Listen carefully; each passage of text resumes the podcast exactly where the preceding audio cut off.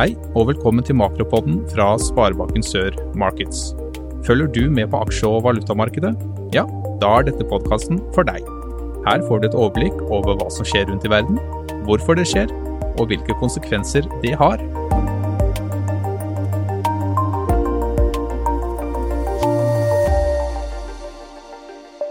Ja, da sier vi vel møtt til Makropodden igjen.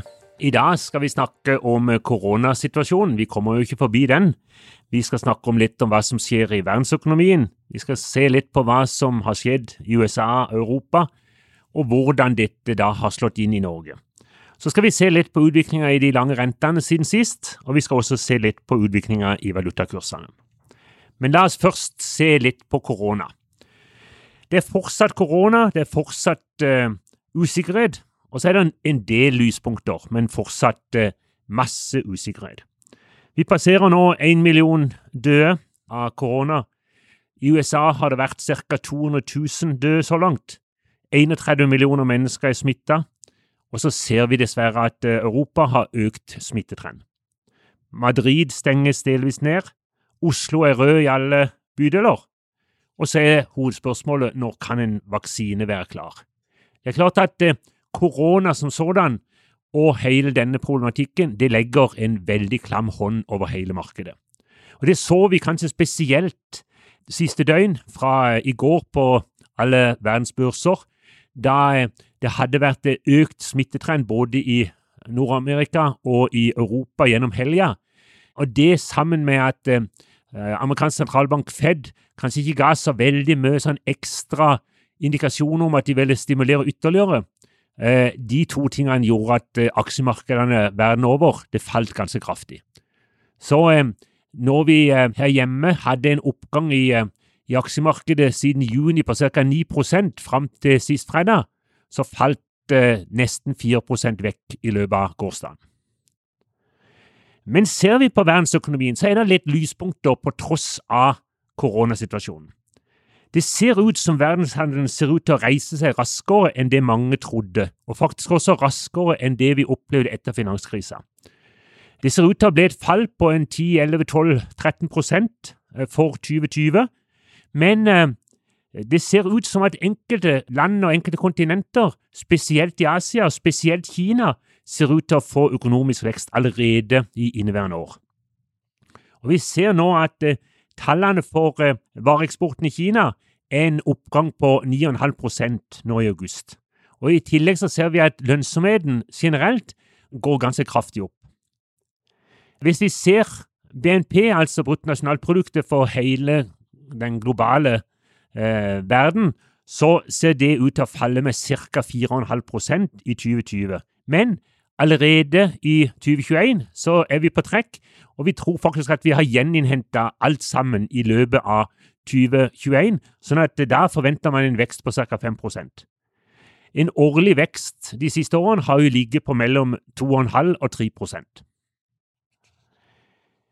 Hvis vi ser litt på oljeprisen, så har vi nå en oljepris på ca. 42 dollar. Og den har vært relativt stabil den siste måneden.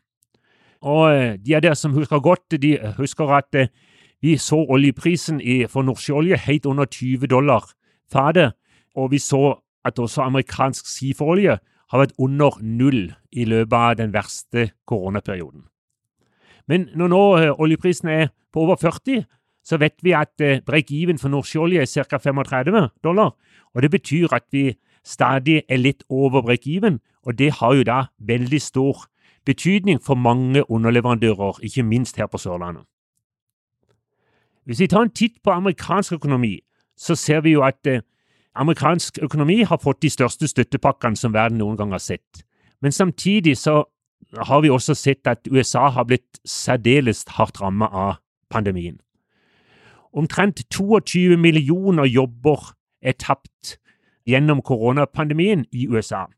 Og så skapes det heldigvis mange nye jobber, men hittil er det skapt litt over 12 millioner nye jobber. Og Det betyr at Trump har en kjempeutfordring, for eh, han må fortsatt skape 10 millioner nye jobber før 3. november.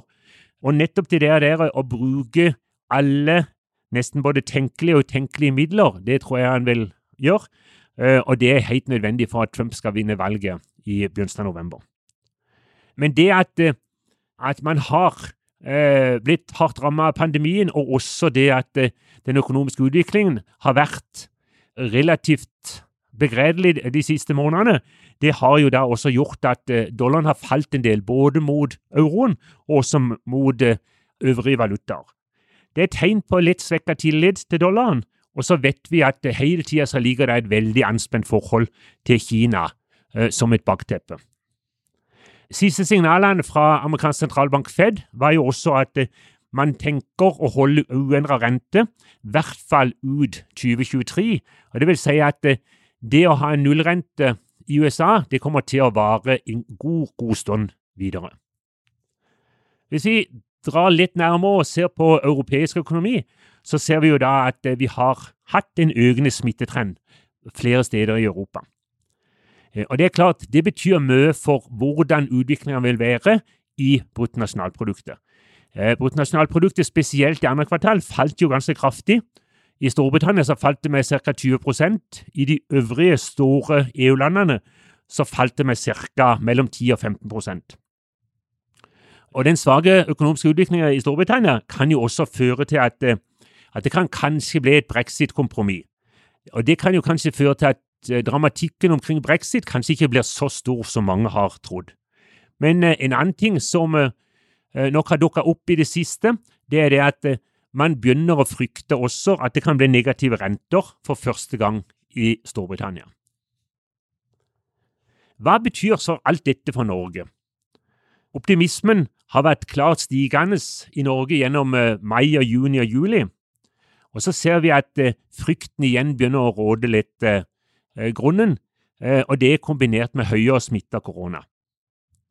Regionalt nettverk, som er en viktig indikator for hvordan bedriftene ser den økonomiske utviklinga, de bekrefter at det var en veldig god gjenvinning gjennom sommeren, men så bekrefter de også at det er veldig stor usikkerhet for ytterligere vekst i månedene framover. Fallet i arbeidsledigheten fortsetter, og vi var, fikk eh, de siste tallene nå eh, uke to i september på eh, en arbeidsledighet på 3,8% Og Det er sånn sett positivt nytt for både for regjeringa og for markedet. Men det er klart, vi skal huske på at vi var på 2,6% før korona. Så det er fortsatt et stykke igjen før vi har Og det er over 100 000 arbeidsledige, altså flere arbeidsledige, enn det var før koronapandemien kom. Varehandelen har jo hatt et veldig sterkt kvartal. Vi har hatt en årsvekst på ca. 8% og også det øvrige hjemmemarkedet har jo utvikla seg veldig positivt. Mens eh, eksportindustrien sliter, ser en klar negativ vekst, og det som er bekymringsfullt her, er at det er liten bedring de siste månedene også her. Når det gjelder oljebransjen, så hadde de jo, og lå jo an etter hvert som oljeprisen falt ganske kraftig i begynnelsen av pandemien, så lå det jo an til en veldig negativ vekst i år. Men sterk vekst i eh, juni, juli og august, eh, spesielt for hjemlig oljeindustri, i takt med oljeprisen og oljeprisøkningen, har gjort at eh, det ser atskillig lysere ut i oljeindustrien.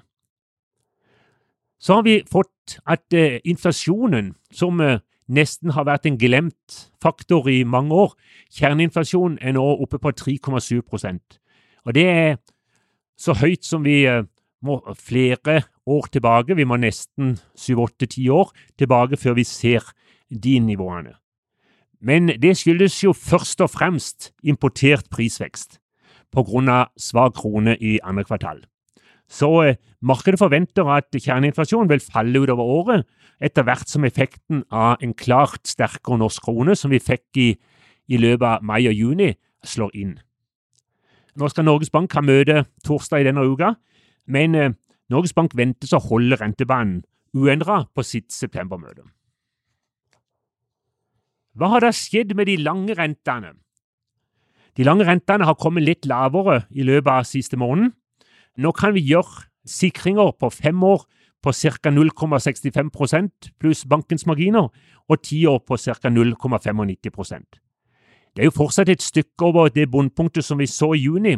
Da kunne vi gjøre fem år på 0,45 og ti år på 0,70. Men historisk så er jo renter på under 1% pluss bankens margin, det er jo rekordlavt. Ser vi så på valutamarkedet, hva har da skjedd her? Eh, jeg nevnte eh, i forrige makropod at eh, kanskje var vi litt for optimistiske. Kanskje hadde krona gått litt for sterkt. Og det har vi sett nå egentlig har fått effekt nå de siste 14 dagene. Det er blitt mer usikkerhet i markedet, og ikke minst gjennom det ganske kraftige aksjefallet som kom i går, så skapte det også økt usikkerhet. Sånn at fra en eh, euro-norsk kurs på ca. 10,50, så har vi nå hatt en euro-norsk kurs på nesten 11 kroner. I dag på formiddagen så var vi helt oppe i 10,97. Målt mot dollaren så har vi gått fra 8,90 og opp høyt på 9,30-tallet. Eh, akkurat nå i skrivende stund så er det på ca. 9,30. Vi ser jo at plutselig tvitrer fra Trump eller eh, andre ting som da skjer. Plutselig ting som da tyder på økt smitte og, og eh, mer usikkerhet i markedet, så svekkes krona eh, plutselig 20-30 øre. Men eh, det grunnleggende og underliggende er jo at Norges Bank kjøper norske kroner for å finansiere koronatiltakene. Og det er jo da medvirkende til at selve hovedtrenden er fortsatt noe sterkere norsk krone.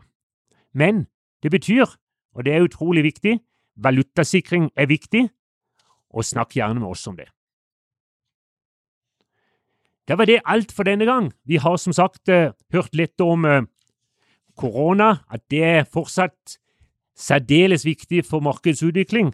Vi har sett litt på uh, verdensøkonomien, vi har sett litt på hva som har skjedd i USA og i Europa, og vi har sett litt på hvordan dette da har fått innvirkning i Norge. Og så har vi toucha litt hen i utviklinga i de lange rentene og utviklinga i valutakursene. Men da sier vi tusen takk for denne gang fra Makropodden. Du lyttet nettopp til Makropodden fra Sparebanken Sør Markets. Hver måned vil vi gi deg innsikt i hva som skjer i verden, samt hvordan det påvirker økonomien vår. Flere episoder finner du på sor.no slash makro.